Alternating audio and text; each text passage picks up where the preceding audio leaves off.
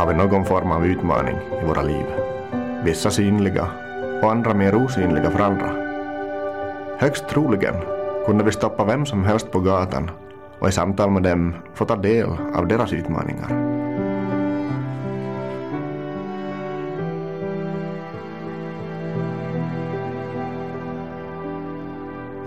Ibland ser livet så enkelt och perfekt ut för andra. Men vi får påminna oss om att vi ser inte allt av en annan människa. Tänk om vi kunde vara mer öppna med våra utmaningar. Så kanske vi inte skulle känna oss så ensamma i vår egen kamp.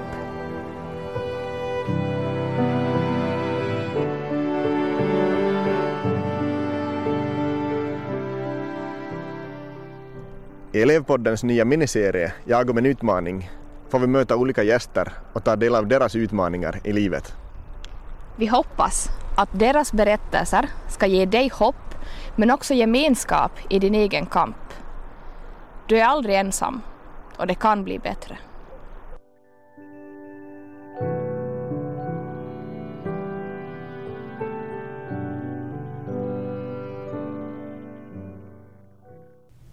Varmt välkomna till Elevpodden och till det tredje avsnittet av vår serie Jag och min utmaning. I den här serien så träffar vi intressanta gäster som delar med sig av sina erfarenheter och tankar kring utmaningar som de själva har erfarenhet av.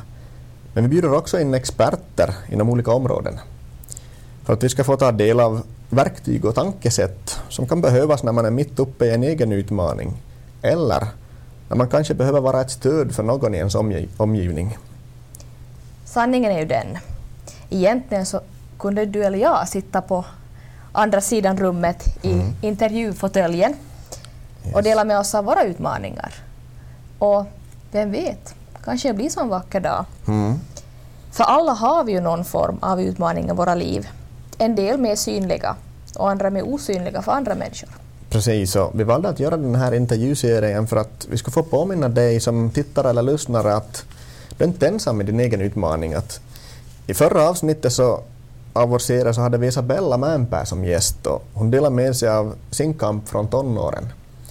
Isabella så under flera år så kämpade hon med ätstörningar och med en negativ syn på sin egen kropp. Mm.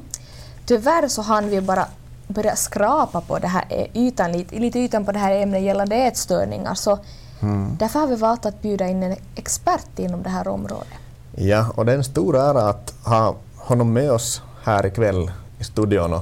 Han är docent i utvecklingspsykologi och jobbar som verksamhetsledare för ätstörningskliniken i Jakobstad.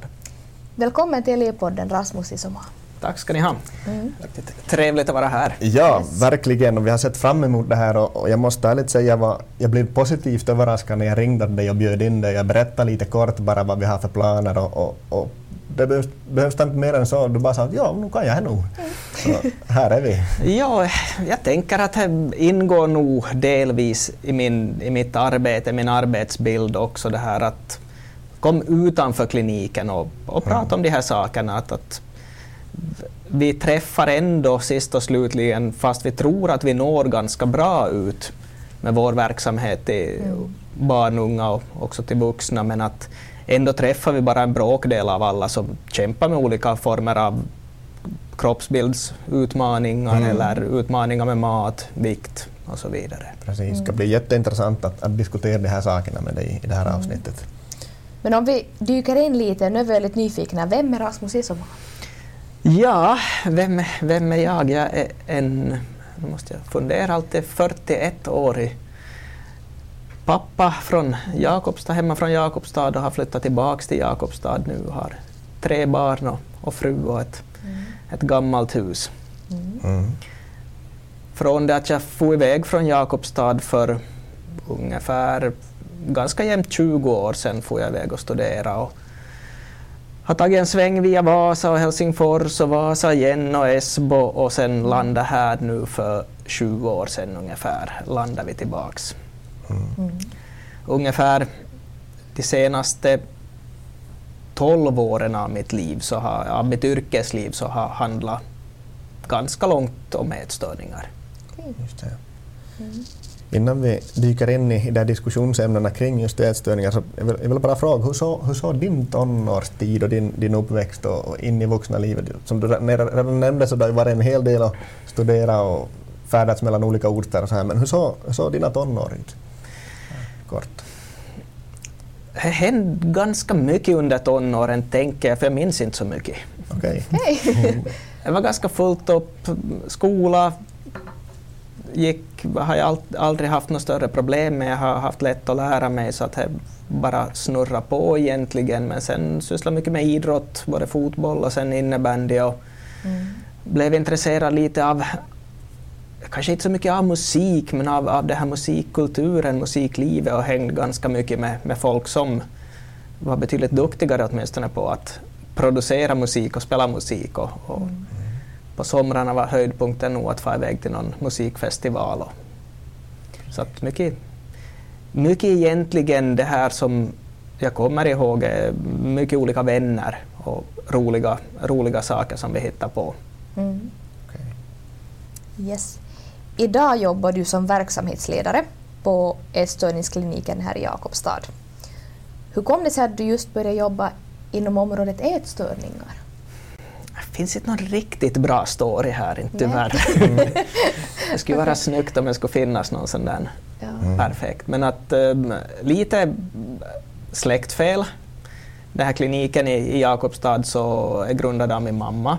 Hon har jobbat där i många år som barnpsykiater. Och Mm. vid tankarna kom kliniken grundades på grund av att, att eh, hon tyckte att man inte nådde tillräckligt bra vårdresultat genom att behandla ätstörningar bland alla andra psykiska utmaningar Mm. som ungdomar kan ha, utan man ville hitta ett, ett specifikt vårdkoncept. Mm.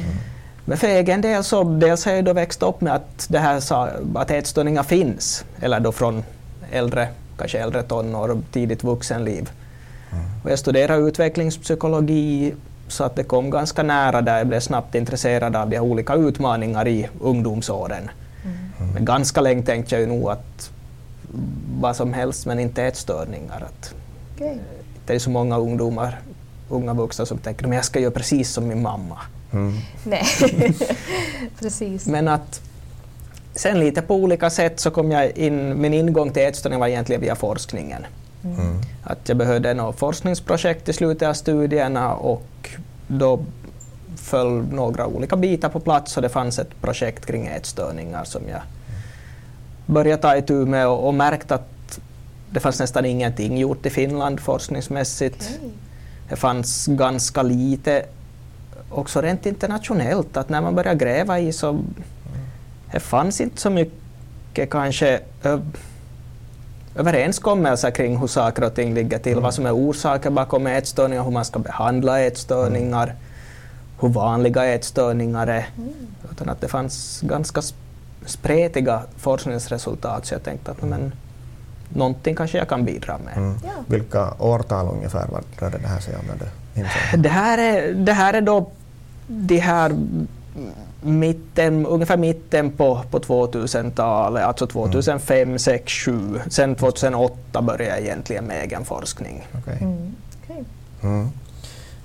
Om vi då ställer oss en kan vi säga, ganska bred fråga här. Och, och att vad räknas som ätstörningar och, och var går gränsen?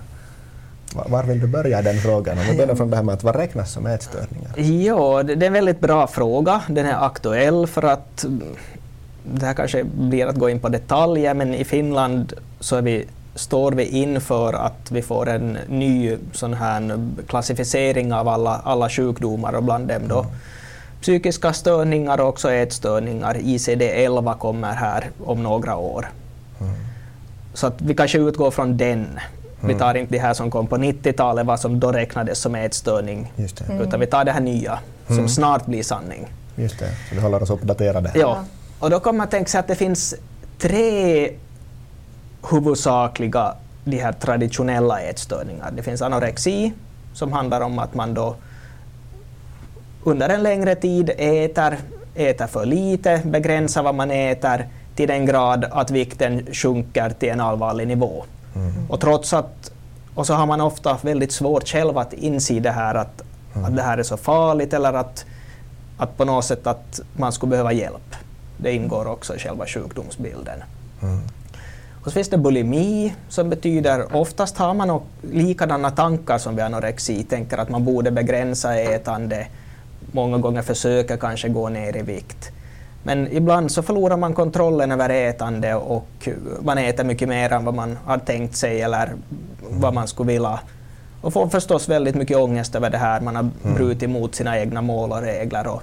Och kanske då kastar upp maten eller kompenserar genom jättehård motion eller att man direkt sen börjar fasta direkt efter på något för att mycket det här med ätande kompenserande, ätande kompenserande som hela tiden pågår. Mm. mm. Och sen den här tredje namngivna ätstörningen är hetsätningsstörning som ofta är förknippad med en högre vikt. Mm. Mm. Att man då har, har den här hetsätningen som vid bulimi men man har inte direkt något sådant här kompensationsbeteende. Okay. Utan det är mera det att, att man, man kämpar, många gånger man kämpar ofta med att, att man försöker begränsa ätande och, men sen hetsäter man och man äter mer än vad man hade tänkt sig. Man äter oftast ensam och det finns jättemycket skam och skuldkänslor kring mm. maten. Mm. Att det är de här riktigt tre kanske typexemplen på olika ätstörningar som finns. Mm. Sen har vi en hel del andra också. Det finns en, en sån ny som jag tror kommer att bli ganska mycket diskussion kring som heter undvikande restriktiv ätstörning. Okay. Det handlar om, där handlar det inte om kroppsbilden utan där handlar det om själva maten, att man äter väldigt selektivt eller man, man äter väldigt sällan, väldigt lite.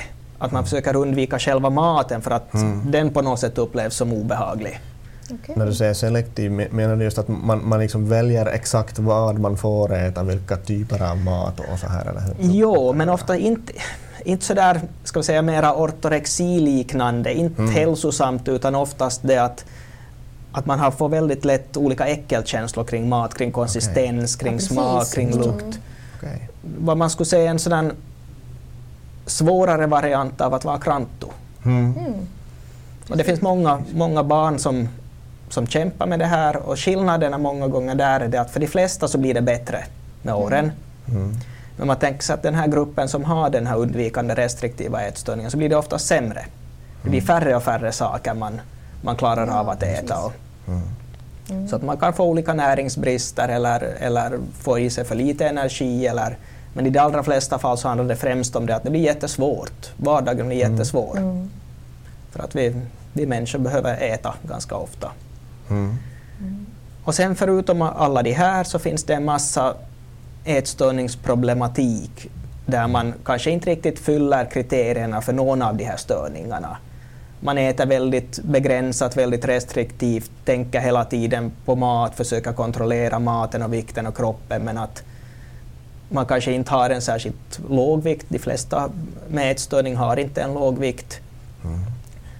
Men det är någonting som hela tiden påverkar ens liv. De här mm. tankarna på mat och oftast ganska tvångsmässiga rutiner och beteenden finns med hela tiden. Och det är nog också en ätstörning trots att man inte passar in precis i någon mm. av de här på något sätt prototyperna eller vad man ska kalla det. Mm. Okay. Mm. Om du tänker just det här med gränsen, då, hur, hur, ser du på det här? När, när kan man liksom börja konstatera?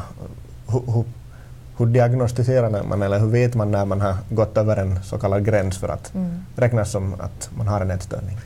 No, det viktigaste är kanske det att se på ätbeteende. Mm. Hur äter man? Hur pass mycket ångest, hur mycket svåra tankar är kopplade till maten. Hur mycket påverkar det vardagen? Mm. Kan man ta det allt för mycket tid eller ryms det bra in skola, vänner, hobbyn? Har man på något, kan man förhålla sig neutralt till mat? Mm. mm. Eller är den väldigt laddad hela tiden? Och sam, men också samma saker kanske kring egen kropp. Mm. Att inte måste man tycka om sin kropp. Det finns inget sånt krav för oss människor att vi skulle mm. måste göra det. Men att, att det ständigt finns i tankarna att man mm. borde, man kan inte acceptera sig som man är, att man borde bli mindre, borde bli större, borde bli starkare mm. och så vidare. Att som, kanske mest det där som inte syns utåt, mm. det där att hur mycket av ens tankar och tid går åt till, till det här. Man kan väl, kan väl koppla lite till ett avsnitt som vi har spelat in i det här ljudformat, den här podden som vi har, att, att som man jämför med ångest, att, att ångest blir det när det är en oro som börjar begränsa ens vardag. Mm. Så lite samma sak just på tankenivån och känslonivån kring mat och ätande. Att när det på riktigt börjar liksom begränsa, kan man, Ja. kan man lite sammanfatta det så. Jo, att, att, att det är helt naturligt att speciellt i ungdomsåren fundera ganska mycket på hur man vill äta, man tar mera eget ansvar Mm. över sitt ätande. Det kan komma in olika etiska, moraliska aspekter kring mat och så vidare. Man kan vara rädd lite för att hur, hur ändras min kropp, vad kommer att Ja. hända? Mm. Men att, att sen just att när det börjar bli mera och mera och man känner att det börjar påverka ens beteende, att man kanske inte vågar äta. Mm.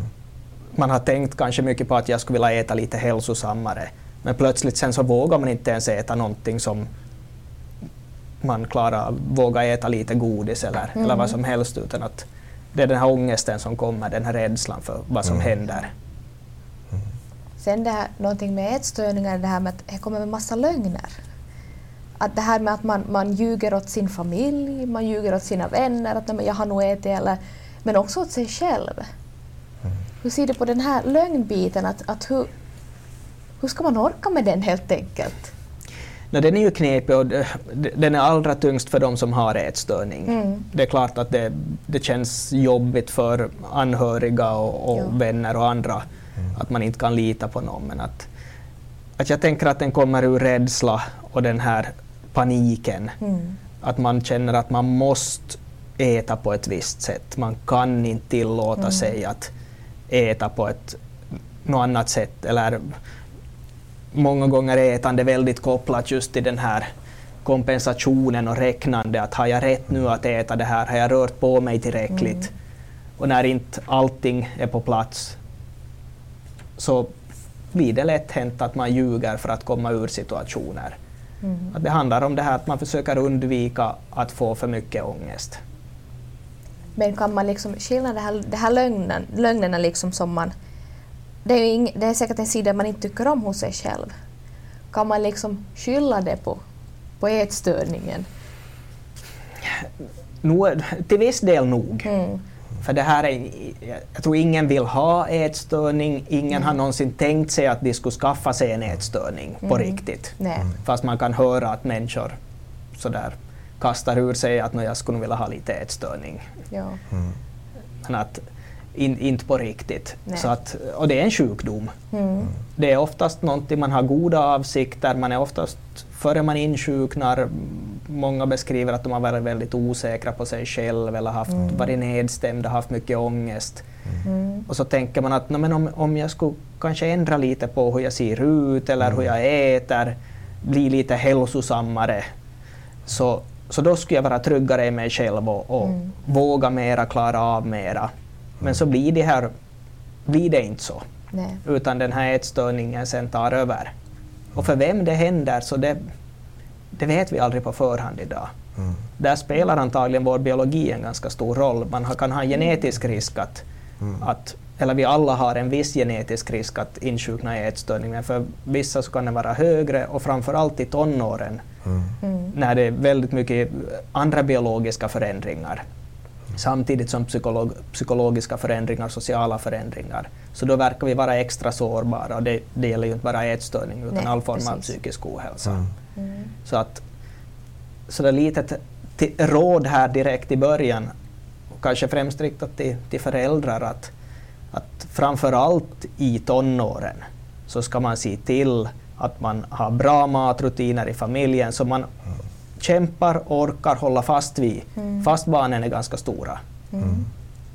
Det lönar sig att, att ha en struktur och rutiner och, och Ja. lite styra över det som förälder. Ja. Mm. Vara lite besvärlig, Ja. ännu några år. Ja, som, vilket kan bli ett tack senare. fram. Ja, precis. Antingen outtalat eller uttalat. Mm. Vem kan drabbas och vad kan vara liksom det här tecknen på att man har en ätstörning eller att någon i ens omgivning har en ätstörning? alla kan drabbas. Mm. Det ser vi idag. Det finns forskning som visar att väldigt unga, kan få ett, unga barn kan få ätstörningar. Men också att man kan få ätstörning ännu i 70-80 års ålder. Okej. Män kan få ätstörningar också, inte bara flickor och, och kvinnor. Så att i princip vem som helst kan få en ätstörning. Mm. Men, och den syns sällan utanpå. Mm. Det är det kanske det viktiga, det där, att man kan inte se vem som har en ätstörning när någon går på stan. Nej. Utan vi kan ha väldigt olika storlek på kroppar och det säger inte alls nödvändigtvis om hur vi äter och vi förhåller oss till mat. Och. Mm. Så att man måste nog se på det här ätbeteende. Man måste komma så pass nära en människa nu att man Mm. ser på ätbeteende och lyssnar på hur de pratar. Mm. Att är det väldigt mycket tänkande? För en som har ätstörning tänker nästan hela tiden på mat. Man, man kan få, I diskussioner kan man få hintar om att det kretsar mycket kring, kring mat. Då. Ja, och sen, sen de här konkret. andra sådana saker att lägga märke till i ens, i ens vänkrets eller barn och, och familj och så vidare. Att, att man förändras på något sätt. Man, gör inte, man är inte intresserad av samma saker mera, man Mm. orkar inte, man drar sig ätstörning är en ganska ensam sjukdom. Mm. Man drar sig undan kompisar, man drar sig undan framförallt situationer där det kanske serveras mat. Mm. Så att man börjar se att, att mera och mera fokus på, på, något sätt på, på det egna beteendet, på, på en själv. Mm. Vilket kan ibland i början uppfattas lite som att man, nu har man tagit tag i livet, man är lite ambitiös, man satsar på skolan, man kanske motionerar mera. Men att, så det är jätteknepigt i början att se att är det här bra eller dåligt. Mm. Ja. Men att, att sen när man märker att, att det här, många har nog en aning Mm. om att, att det här, också de själva, fast man säger att det finns, det kanske inte är så lätt att erkänna för sig själv eller inse själv att man är sjuk. Mm. Så har nog väldigt många ändå en aning om att det är nog någonting som inte är riktigt rätt. Mm. Precis, för det blir ju säkert som en, en slags identitet sen när det blir aktuellt att, att man får den här diagnosen men det är inte kanske någonting, som du sa, ingen vill ju ha, ingen vill ju Nej. skaffa sig en, en sån, så man vill inte heller bli, om man nu kan kalla det stämplad med, Mm. med den diagnosen om vi säger så. Man vill bli förknippad på det sättet. Nej, nej knappast. knappast Mm. utan många vill ju bli förknippade som att de är väldigt hälsosamma Mm. och man är sportig och Precis. man är kanske den som vet väldigt mycket om mat Mm. och så vidare. För att när inte vi äter tillräckligt så blir mat väldigt intressant. Mm. Så det är också som egentligen kanske ett visst symptom på ätstörning, att man blir intresse- extra intresserad av mat och näringsinnehåll och så Mm. vidare, som sen kanske föder nya ätstörningsbeteenden. Så det, det finns många olika onda cirklar. Att Mm. man, man kan bara tänka sig att, att ätstörningen föds någonstans nu i vår tankevärld. Mm. Den har en funktion, den ska hjälpa oss med någonting. Mm. Men sen så bygger den bo i kroppen. Mm. Och för att man ska kunna bli av med ätstörningen sen så, så måste man ta tag i ätande. Mm. Mm. Man kan inte prata sig bara ur en ätstörning Mm. utan Nej. Man måste faktiskt och man måste riktigt kämpa för att få svängt det här ätandet. Att det blir Mm. tillräckligt. Mm. Man behöver inte på det precisionsäta, att man ska äta just någon viss rätt mängd eller vissa saker. Mm. Det allra viktigaste är att ge kroppen tillräckligt med näring, hjärnan tillräckligt med näring, så att den vågar släppa taget om ätstörningen. Mm. Mm. så här allmänt i samhället så förknippas ju kanske, jag tänker i alla fall att, att ätstörningar förknippas mer med flickor Ja. och unga kvinnor kanske, men hur är det med pojkars ätstörningar? Att, reagerar inte på samma sätt på, eller, eller är det inte lika mycket liksom, utbrett? Eller, vad, vad tänker du kring det här? Nå, framförallt så har man forskat väldigt lite om pojkars ätstörningar och det bygger kanske på en sån här tanke, jag håller helt med dig att den är utbredd tanken om att det här är någon flickgrej Mm. framförallt. Mm. Men att sanningen är nog att nog drabbas pojkar av ätstörningar. När man gör de här befolkningsundersökningarna och frågar pojkar, män, Mm. om deras förhållande till kroppen, till maten, så uppvisar de nog, de svarar på samma sätt som flickor till viss del. Det är nog flera flickor som drabbas. Kroppsmissnöje, åtminstone bland yngre, så är vanligare för flickor. Mm. Men pojkarna finns nog också där.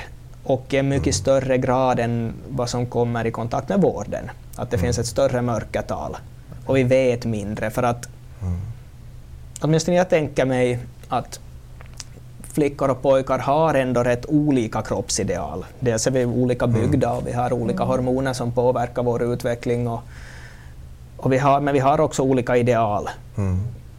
Att, att pojkar kanske mera strävar efter en muskulös kropp med synliga, tydliga muskler, väldefinierade. Och, och då blir också ett beteendet annorlunda Mm. än om man kanske strävar efter viktnedgång eller, eller på andra sätt försöker förändra sin kropp. Nu, nu kanske också flickor i, i högre grad så börjar det vara ett mer muskulöst kroppsideal. Mm. Att de, de, de närmar sig kanske könen av varandra där men mera traditionellt så tänker man att, att många yngre pojkar har ett kroppsmissnöje där de känner sig för små och för klena. Mm. Samtidigt som det också finns många pojkar som, har, som önskar att de skulle gå ner i vikt, att de har en övervikt som de, som de kämpar med. Mm. Men att, att de finns nog. Mm. Vi- Men precis som du säger, att man reagerar inte kanske på samma sätt. Om en pojke ändrar väldigt mycket på sitt ätbeteende eller går ner väldigt mycket i vikt eller, eller annat. Så att, att, Just det. Mm. Vi har fått en fråga av en av våra följare. Jag läser rakt av här att vilken hjälp kan man få om man håller på att utveckla en ätstörning? Om man befinner sig i ett skede där det inte ännu kanske kan kallas för ätstörning men man tvingas leva på ett sätt som förr eller senare kommer att leda till en ätstörning. ja, det, är en, det är en intressant formulering det här med tvingas leva. Mm. Och jag tänker där att, att känner man det där tvånget i det, att, att man inte kan styra sitt eget beteende mera, så är man nog inom det där området där vi börjar prata om ätstörning och det lönar sig att söka hjälp. Och man kan till exempel till Fredrika-kliniken i Jakobstad så man behöver inte ha en diagnos. Man behöver inte veta om man har en ätstörning utan det finns vi till för att hjälpa. Okej, så man, ni, ni kan liksom få igång någon, någon typ av hjälp fast man inte ännu har diagnostiserats med ätstörning men man upplever att man är på väg ditåt. Absolut, och det är bra ju, ju tidigare man kommer. Då är det oftast mindre jobb att komma ur det. Att, att det är bra. All forskning stöder det att man ska söka hjälp i tid. Mm. Att det, man behöver inte vänta tills man fyller vissa kriterier. Utan att känner man att, att maten har börjat ta över livet och man känner sig tvungen att göra saker eller, eller styrd av de här tankarna som man har, så då, då ska man nog Bäst är det att, att prata förstås om man är ungdom och bor hemma, att prata med sina föräldrar som kan hjälpa en vidare. Man kan prata med skolhälsovårdare, man kan prata med skolkurator. För att innan man kommer till oss så är det nog bra att man, man också har ett litet nätverk där. Mm. Vården ändå, i de allra flestas fall så handlar ju om att man kommer på ett besök i veckan ungefär. Så att vi vill alltid att de där hemma, som ens närmaste människor också ska veta om vad man kämpar med. Mm. Så att, att, att man har det i sin egen närmiljö också finns det här stödet. Mm. Jag tänker ju spontant det här lyssnar-tittarfrågan att det är ju en styrka att kunna, kunna se det här och, och vå- våga ta tag i det så här så att vi kan väl inte annat än att uppmana att, att ta hjälp direkt när det Ja. börjar, man börjar känna det här att det är ju som bättre, bättre ju tidigare som du sa, att det är mindre, mindre jobb också. Lättare att få. Jo, och det är svårt att veta om man har en ätstörning eller inte. Mm. Vi som har jobbat med det på kliniken i många år, inte vet vi alltid heller. Nej. Så att absolut bör man inte själv veta om man, om man har. Det är därför ni finns, Mm. Ja. mm, för att ta den ställningen. Mm. Och jag tänker, en sån fråga, då, varför kan det vara skadligt att kommentera andras kropp, vikt eller utseende? Vad, vad tänker du kring de sakerna? Det kan ju flyga kommentarer, kanske, kanske till exempel i högstadietiden och så här tonåren, ungdomstiden, så kan, kan man ju lätt, ganska lätt kommentera varandra. Mm. Alltså ätstörningarna föds ju någonstans där i tankevärlden som någon form av lösning. Mm. Och, då, då kan det ju, och den där lösningen handlar oftast om att man borde förändra sig för att kunna acceptera sig själv, för att känna att man kan bli accepterad av andra, för att nå närhet till andra. Mm. Och det att, att, att man ska bli, bli en accepterad människa, att man, man kan inte bli det så som man är. Nej. Och då, alla sådana här kommentarer om, att, om kroppar, om vikt, så det, det bygger på den här tanken som vi delar om att, att genom att se ut på ett visst sätt, genom att ha en viss sorts kropp, så är man mer accepterad. Genom att äta på ett visst sätt är man lite bättre. Mm. Att, att det är en sån här på något sätt, vi kan tala om en viktfobisk kultur eller en sån här hälso, hälsokultur. Att, att, att man ska hela tiden sträva efter att, att bli mera hälsosam, att, att ha mera kontroll över sig själv. Och det, den här baksidan av det är till exempel ätstörningar eller att man Mm. ofta känner sig misslyckad med sig själv för att man kanske inte har ork eller möjligheter att leva upp till det här som man känner att man borde. Mm. På vilket sätt kan det liksom påverka just en människa som har en ätstörning, att just den personen får en, en kommentar att oj, du har nog gått ner mycket i vikt eller oj, du har gått upp i vikt. Ja, jag brukar nog tänka och brukar säga som råd också åt, åt föräldrar och andra att, att viktkommentarer åt någon som har ätstörning träffar aldrig rätt. Nej. Hur välmenade de än är.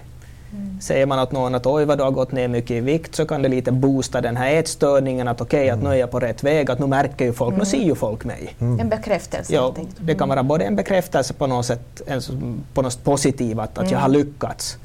Men det kan också vara den där bekräftelsen på att nu äntligen ser de att jag är sjuk. Ja. Att jag måste säkert gå ner i vikt för att någon ska märka hur dåligt jag mår. Så att det kan på många sätt, den här kommentaren kring viktnedgång kan vara besvärliga Mm. och svåra att förhålla sig till. Samma sak om man säger väldigt välmenande att oj vad du, vad du har börjat se frisk ut. Mm. Så kan nog någon som har ätstörning lätt tolka det som att jaha, nu ser alla att jag har gått upp i vikt. Ja. Och, då, och så finns det många beskriver den här, den här rädslan också för att bli frisk. Mm. Att den finns där, man talar om friskrisker. Mm. Att vad händer, vad, vad, förändras i mitt liv om jag sen inte har det här? Mm. Just nämnde här tidigare lite kring identitet, att man kanske förknippar sig lite med sin, Mm. sitt, sin utmaning, sitt problem. Mm. Men sen då om man inte har det kanske man inte alls är intressant mera eller Nej. kanske ingen bryr sig. Och, Precis. och, Eller man tycker att det är det enda i mitt liv jag har kontroll över. jo, eller det är det enda som jag är. Ja. Mm. Mm. Och om inte folk visar omtanke, medkänsla och, och hjälper en och, och pratar och, och ser en, man är kanske rädd just att, att det försvinner och att man blir oviktig och en, en, en nobody sen om man blir frisk. Jo, Liksom. och, må- och många också har den där erfarenheten av att de mådde inte särskilt bra före, de, före den här ätstörningen tog fart. Mm. Att man kanske hamnar tillbaks där. Mm. Att man är osäker och otrygg, kanske känner sig ensam och, Mm. och så vidare. Att, att, att vi ska inte glömma det där att man kanske också får vissa saker genom att vara sjuk. Mm. Så att där är det väldigt, väldigt viktigt det där med att, att man kommer igång med livet igen. Att, att man är tillbaks där var det händer roliga grejer och de här ver- verkliga utmaningarna under ungdomslivet. Att, att man, ska hit, man ska lära sig mer om sig själv, man ska utbilda sig vidare, man ska hitta sina Mm. egna vägar. Mm. Att ätstörningen lägger det mesta av det där på paus. Ja. När man bara tänker på mat Mm. så Mm. finns inte det där utrymme, man orkar inte, hjärnan är inte intresserad av att, att fundera på de här riktigt Mm. viktiga sakerna. Och, Mm. så att, att brukar tänka mig att vården kan inte, vi kan inte hjälpa kanske med den saken. Mm. Där att, att, att någon ska hitta sig själv, hitta sitt liv. Men att vår, vi ska jobba med det som vi, vi jobbar med tills de är där så att de har möjlighet att göra det. Att de har den där plattformen Mm. att, att gå vidare. En väldigt stor fråga. Kan man bli frisk? Absolut, Mm. det, det tror jag. Va, varje person jag träffar som har insjuknat i ätstörning så, så tänker jag absolut att den här människan kommer att bli frisk. Mm. det tar, för en del så går det snabbt, för andra tar det väldigt länge. För en del så blir det så att man inte kanske blir helt frisk. Vissa kämpar med sin ätstörning under åratal. Men alltid finns den där möjligheten. Också fast man har haft sin ätstörning i mer än halva sitt liv Mm. så kan man bli frisk. Mm. Att det- den är inte... Ingen människa är sin ätstörning utan att, att det finns alltid mycket annat där och, och det handlar oftast om att, att på något sätt våga. Mm. Finns det någon nå tydlig linje eller liksom statistik eller vad man ska säga på att vad som funkar bäst då liksom för, att, ja, för att om möjligen bli frisk? Kanske en luddig fråga men Ja, alltså... Vad ska jag säga? Det finns ju olika behandlingsmodeller, olika terapiinriktningar och så vidare som har fina engelskspråkiga namn. Men de alla bygger egentligen på en och samma sak. Att man måste våga utmana sig med mat och samtidigt ha någon som man litar på, som man kan prata med kring de tankar som väcks. Och någon som, på något, som kan motivera en att fortsätta när det är jobbigt. Mm. Att man behöver både mat och prat. Mm. Ingen dera var för sig räcker riktigt. Mm. Det- Mm. Hur ska vi förebygga ätstörningar? Det finns ganska lite sådär att, att direkt förebygga just ätstörningar. Att då hamnar man mera nog in på det här mera med allmän psykisk hälsa, ohälsa, självbild och så vidare. Medieläskunnighet har man lite sitt på, att, att blivit bättre på att tolka vår omvärld och alla de signaler, alla bilder av kroppar, av mat som vi möter på hela tiden. Att lite bättre förstå att okej, att ganska stor andel av det här så handlar om att sälja någonting. Mm. Människor som är missnöjda med sina kroppar är jättebra konsumenter. Det finns alltid produkter vi kan köpa som Oh ja, inom alla områden. Ja, att, att Ja. Det, det tar aldrig slut. Och, Så att det finns en, nog en baktanke också i kanske att, Mm. att vi ska känna oss att vi borde bli lite bättre. Vi borde bli lite snyggare, lite sportigare, lite starkare, lite mer muskulösa. Och kanske det finns någon som man skulle kunna köpa då för det. Mm. Så det är ju en, där medieläskunnigheten är väldigt viktig och det gäller inte bara ätstörningar utan Nej. allt som gäller ungdomars liv idag. Så det blir bättre på att, att kritisera, att våga ifrågasätta det som media spyr ut i, Mm. i, liksom i etern åt oss. Ja, ja och att identifiera också att det finns vissa kroppsideal, Mm. både för män och för kvinnor, men att, att de leder inte automatiskt till att man blir lyckligare eller mera framgångsrik eller annat, utan att de är framförallt är de ouppnå, helt biologiskt ouppnåbara för de allra flesta av oss. Mm. Och att sträva efter det och tänka att det, sen så blir jag lycklig, sen så börjar livet. Mm. Att, att det där att på något sätt skjuta upp livet tills man ser ut på ett visst sätt eller har gjort en viss sak, så det är sällan bra. Mm. Så det handlar ganska mycket också om, om sen, förutom det, det så handlar det om att lära sig att hantera känslor, hantera livet, hantera sociala situationer. Att man blir lite bättre på, på sig själv. Mm. Och my- mycket just det här under tonåren så, så mycket som man upplever och man tänker bara att jag är så ensam i den här. Mm. Det det kan ju bara vara jag som tänker den här tanken och det kan ju bara... Man tror ju ofta så. Så det är ju lite som med vår tanke liksom med den här serien att vi skulle få öppna upp och få väcka diskussioner att, att vi skulle inse att egentligen sitter vi alla i ganska samma båt. Mm. De allra flesta av oss, också av oss vuxna, men framförallt då ungdomar och tonåringar, tonåringar har mycket osäkerhet kring egen kropp. Mm. Både kring hur den ser ut, men hur den fungerar och Ja. vad man är intresserad av och vem man är intresserad av. Och, Mm. och precis som du säger, att alla har det här. Ja. Det, det finns inte de där som går omkring och är jättesjälvsäkra och trygga hela tiden. Och varje dag titta sig i spegeln att oj vad du är vacker. om, om vi nu tänker på de här superfitta de här atleterna och allt det här, är det ju någonting som har tillika drivit dem till att träna sig till att, att skapa den här livsstilen till att bli här, så, någon gång har det väl börjat för det också, att de har varit missnöjda med något eller Jo, velat uppnå en ny och forskning, alltså ser man på, på kroppsbyggare till exempel och Mm. det som princip nästan som yrke bygger muskler Mm. så är det jättemånga av dem som ständigt går omkring med en känsla av att vara för små, att inte vara tillräckligt muskulösa, att, att när man inte är som i, i tävlingsskick, som man gör bara någon dag per, per år kanske, Mm. så har man väldigt stort kroppsmissnöje och osäkerhet kring egen kropp. Så vi blir inte, den här kropps, kroppsmissnöje försvinner inte av att förändra våra kroppar. Mm. Det försvinner inte av att fundera jättemycket på kroppen. Nej. Utan bästa sättet att jobba med kroppsmissnöje är att göra någonting helt annat. Mm. Något som är kul tillsammans med någon annan. Hur kan jag stödja någon i min närhet som har ätstörningar? Om det är då en vän, ett syskon eller om det är som förälder ett ens eget barn. Hur kan man som vara ett bra stöd för dem? Nå, dels är det förstås det där, kanske jag är lite jävig att säga, men att, att stödja till att söka professionell hjälp. Mm. Det är nog oftast en bra sak. Ja. Mm.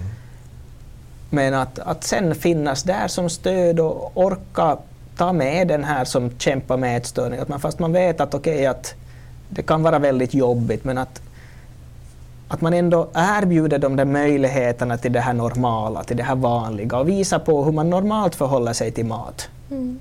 Att inte gå med i det här att nej men nu, inte kan vi ha chips för att nu, nu ska vi ha en kompis som har ätstörning med Mm. att nu, nu tar vi nog bara morötter.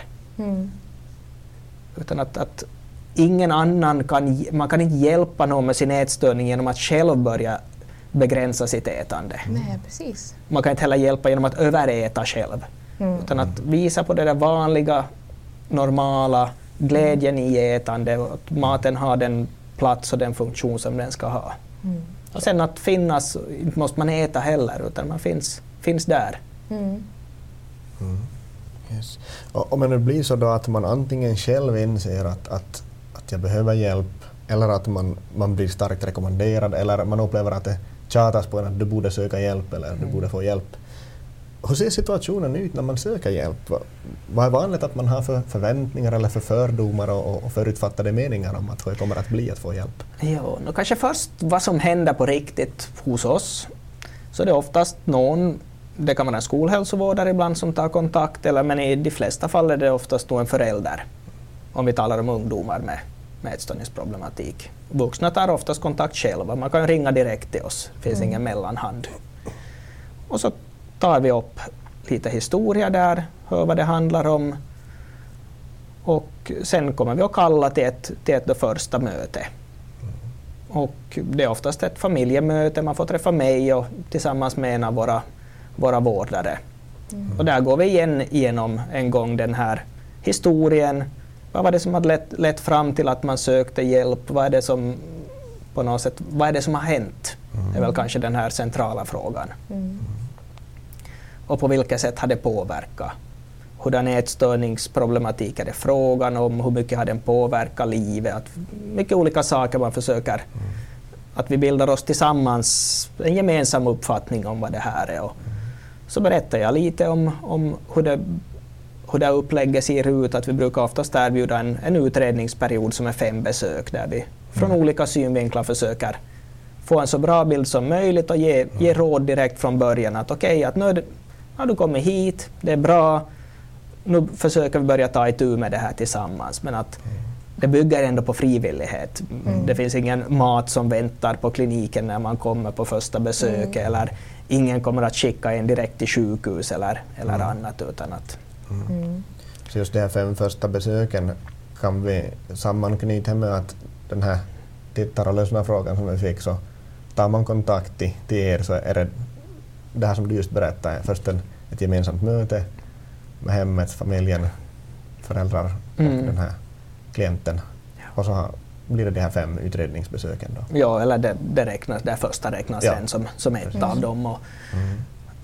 men att ibland om man är väldigt osäker på också att, att vill jag det här eller, eller passar jag in här eller så att oftast kommer vi först bara överens om ett besök och sen på det besöket kommer vi överens om fortsättningen. Mm. Så man har inte beslutat och, och ingått något avtal att man Nej. må- måste komma alla besök. Nej. Och är det, är det sen på det sättet att situationen har gått väldigt långt och, och är väldigt allvarlig så kan det hända att man behöver sen en period på sjukhus om vi, vi ser att, att kroppen, att det är faktiskt stor risk här att, mm. att det kan hända, hända verkligt otrevliga saker. Och man behöver vila, man behöver få näring, man behöver helt stanna upp. Mm. Att vi, vi ser att ätstörningen är den som driver hela vardagen. Och, mm. Så då, då kan man behöva komma in en period. Mm. Men att, att, att någon behandlas helt som mot sin egen vilja är, är väldigt, väldigt sällsynt och det kan man inte göra hos oss heller utan Nej. det är frivillig vård som det handlar om. Mm.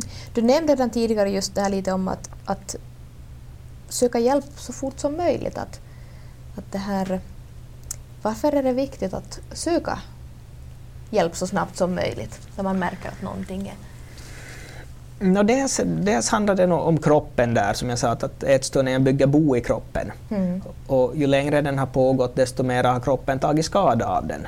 Vårt, rent vårt skelett tar skada, vår hjärta tar skada, alla organ, vävnader i kroppen. Mm. Så att, att av den orsaken, det, det finns ingen orsak att, att man skulle måste som, ha ätstörning länge. Mm. Att man skulle bli färdig med den på något sätt. Det, det, är en ganska vanlig tanke att ja, men sen när jag har på något sätt gjort det här tillräckligt så sen är jag beredd att ja. bli av med det. Men det är ganska sällsynt att det skulle fungera. Så att det är bra att man söker hjälp tidigt för att minimera skadorna på kroppen. Mm. Men också det att, att man har kanske inte utvecklat så mycket färdiga system och mönster för sitt beteende. Vi är ju mm. ganska vanedjur, de flesta av oss människor, och vi vill göra saker på samma sätt dag ut och dag in. Mm. Och ju mera sådana rutiner och system som finns kring ätstörningen, desto mera måste man på något sätt lära om och lära nytt. Mm. Man kanske har tappat den där minne av och kopplingen till det där normala. Mm. Att, hur var det egentligen man gjorde här med mat? I bästa fall, om vi summerar, så i bästa fall så, så kanske man blir frisk utan att ens veta att man har varit sjuk.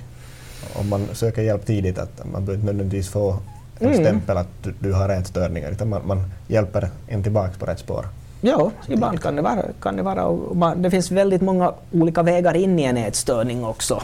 Mm. Att, att för vissa är det väldigt på något medveten strategi att man ska leva mera hälsosamt, man ska mm. motionera mera, man ska gå ner i vikt. Mm. Och det är på ett väldigt medvetet plan. Mm. För andra så är det mera på något sådär, man har lite obehag kring, kring sin egen kropp och kring mat och, och det blir mera sådär som man börjar undvika ätande och börjar dra ner på för det känns bättre. Mm. Att det handlar mer om, om omedvetna känslor och på något undvikande av obehag. Mm. Och för vissa kan det vara ännu mer handla om någon form av självbestraffning, att man tänker att man har inte rätt att äta eller mm. man har misslyckats och då får man inte. Och lite börjar likna självskadebeteende på ett visst sätt. Att det, finns, mm. det finns många olika på något sätt ingångar nog i det. Mm. Och, då, och just att vissa, vissa är mer omedvetna och får man hjälp då ganska tidigt och lyckas hitta varandra och, och hitta lösningarna så då, mm då kan det gå ganska fort också. Mm. Härligt. Intressanta, intressanta ja. diskussioner. Man, man märker att du är både påläst och har, har liksom skaffat det här, både kunskap och erfarenhet, så vi är jätteglada över att vi får dela, dela och ta del av dina tankar och idéer här. Vi ska snart börja avrunda, men, men vi, har, vi har tidigare redan i vår mm. elevpodd har vi fått anonymt in frågor och önskemål om diskussion kring självskadebeteenden och vad det är för något och, och kan man räkna ätstörningar som, som självskadebeteende? Om börjar där. No, till viss del, alltså inte kanske själva ätstörningen, men det finns nog element i den som är av en åtminstone självbestraffande mm. natur. Och så finns det väldigt mycket överlappning där, att många som har ätstörning så faller också in i andra former av självskadebeteenden. För att mm. hantera ångesten som väcks eller just för att bestraffa sig själv för att man har ätit eller man har ätit fel. Man har, mm. både, både kanske på det sättet att man försöker styra sig själv genom att bestraffa sig. Att om jag bestraffar mig så då kommer jag att göra bättre framöver. Mm. det som vi ju nog väldigt långt har lämnat bort till exempel i barnuppfostran och, och så vidare för att bestraffning är inte den bästa mm. sättet att, att styra beteende. Mm. Men att, att för en själv så hamnar man lite lättare in i det ändå, att man tänker att eller sen just som direkt bestraffning efter att man har gjort någonting fel. Mm. mm. Eller sen då mera den där som många beskriver, att de, de, de skadar sig själva för att stå ut. Att man, man tänker att man gör det för att det är ändå lättare än det man tänker att annars ska hända. Att man får mm. så svår ångest så man kommer inte att klara av den. Eller mm. Att det blir ett sätt ändå som, som man har kontroll över den smärta man upplever. Mm. mm. Just det. Varför får man ett självskadebeteende just? Du var lite in på det redan men... Nu är, det, nu är det väldigt mycket av våra, våra psykiska problem som handlar ändå om känslor, svåra känslor, att hantera känslor, mm. stå ut med dem, mm. stå ut med osäkerhet. Mm. Och vissa av oss verkar ha mera dragning då åt vissa håll. Vissa går det naturligt till ätande och den egna kroppen. För andra blir det mer det destruktiva, självskade eller väldigt riskfyllt beteende som också kan vara en form.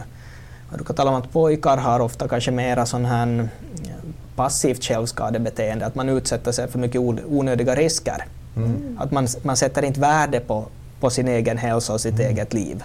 Precis. Utan man, man kan hamna i situationer för att man, man lite lever där på gränsen. Mm. Eller sen, sen på något sätt nog att, att andra, andra blir lättare sen deprimerade och nedstämda när det är svårt. Att, att man hittar som det är kanske det att man hittar ingen lösning om nu självskada och ätstörning och sånt kan ses som någon form av lösning. Mm. Ändå ett, ett sätt att försöka hantera och jag tror att de flesta människor gör så gott de kan. Mm. Och ibland så hamnar man i situationer när man inte har någonting annat. Nej. Och, och där finns ju vår, vår roll både som professionella eller bara som vuxna som har lite mer erfarenhet av livet. Att, att visa mm. på det där att man kan hitta andra sätt och det går att stå ja. ut. Mm. mm. Precis. Hur ska man stödja till exempel en vän som skadar sig själv, har de här självskadebeteendena? Vad är ditt råd? Nu är det ju väldigt viktigt där att att inte blir ett sån här, någon form av hemlighet mm. mellan barn eller mellan ungdomar. Att man mm. Försöker stödja varandra men att göra det på ett sätt så att vuxna inte blir inblandade. Mm. Det, det, det, ansvaret ska man nog inte gå och ta på sig fast ungdomar vill varandra väldigt väl.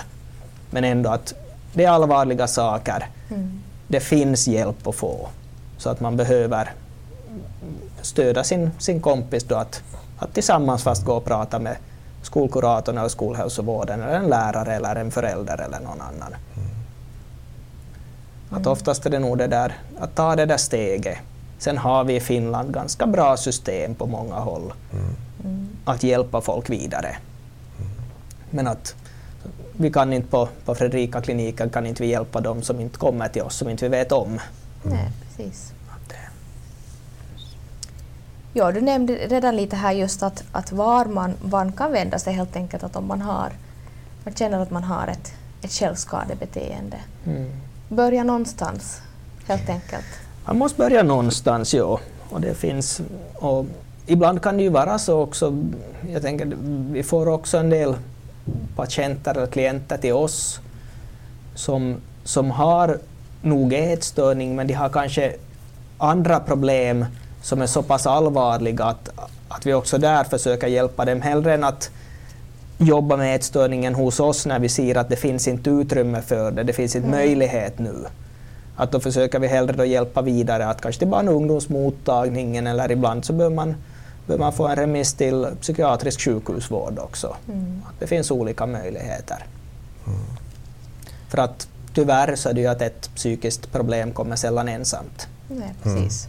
Mm. Mm. Så att, det, att inte till oss får man komma fast man har ångest och man är nedstämd och deprimerad och så vidare. Men att, att det är sen vår, vår uppgift att försöka bedöma att, att har man som resurser för tillfället att, att jobba med just ätstörningen eller finns det någonting annat som är mer aktuellt som man måste ta tag i mm. först? Eller kan man göra det lite samtidigt?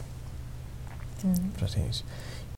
Alltså, väldigt intressant här. Vi skulle kunna hålla på hur länge som helst egentligen, men jag tror vi, vi ska börja avrunda med en, en allra sista fråga här som vi ska lite vända oss till alla vuxna och föräldrar. Hur kan man som förälder och vuxen få stöd för att orka just oberoende om det sen är ätstörningar eller självskadebeteenden eller, eller något av de här problematikerna? Hur kan man orka?